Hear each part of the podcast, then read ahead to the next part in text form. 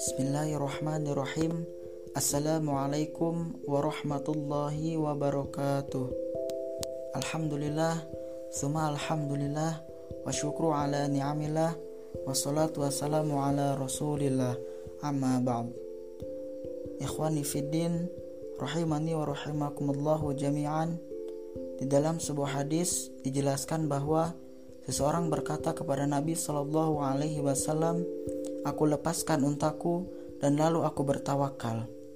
Nabi bersabda, ikatlah, kemudian bertawakallah kepada Allah. Hadis riwayat Tirmidzi. Di dalam Quran surat Al-Anfal ayat 49, Allah berfirman bahwa barang siapa yang bertawakal kepada Allah, maka sungguhnya Allah Maha Perkasa lagi Maha Bijaksana. Imam Al-Ghazali mendefinisikan tawakal ialah menyandarkan diri kepada Allah Subhanahu wa taala tatkala menghadapi suatu kepentingan, bersandar kepadanya dalam waktu kesukaran, teguh hati tatkala ditimpa bencana, disertai jiwa yang tenang dan hati yang tentram.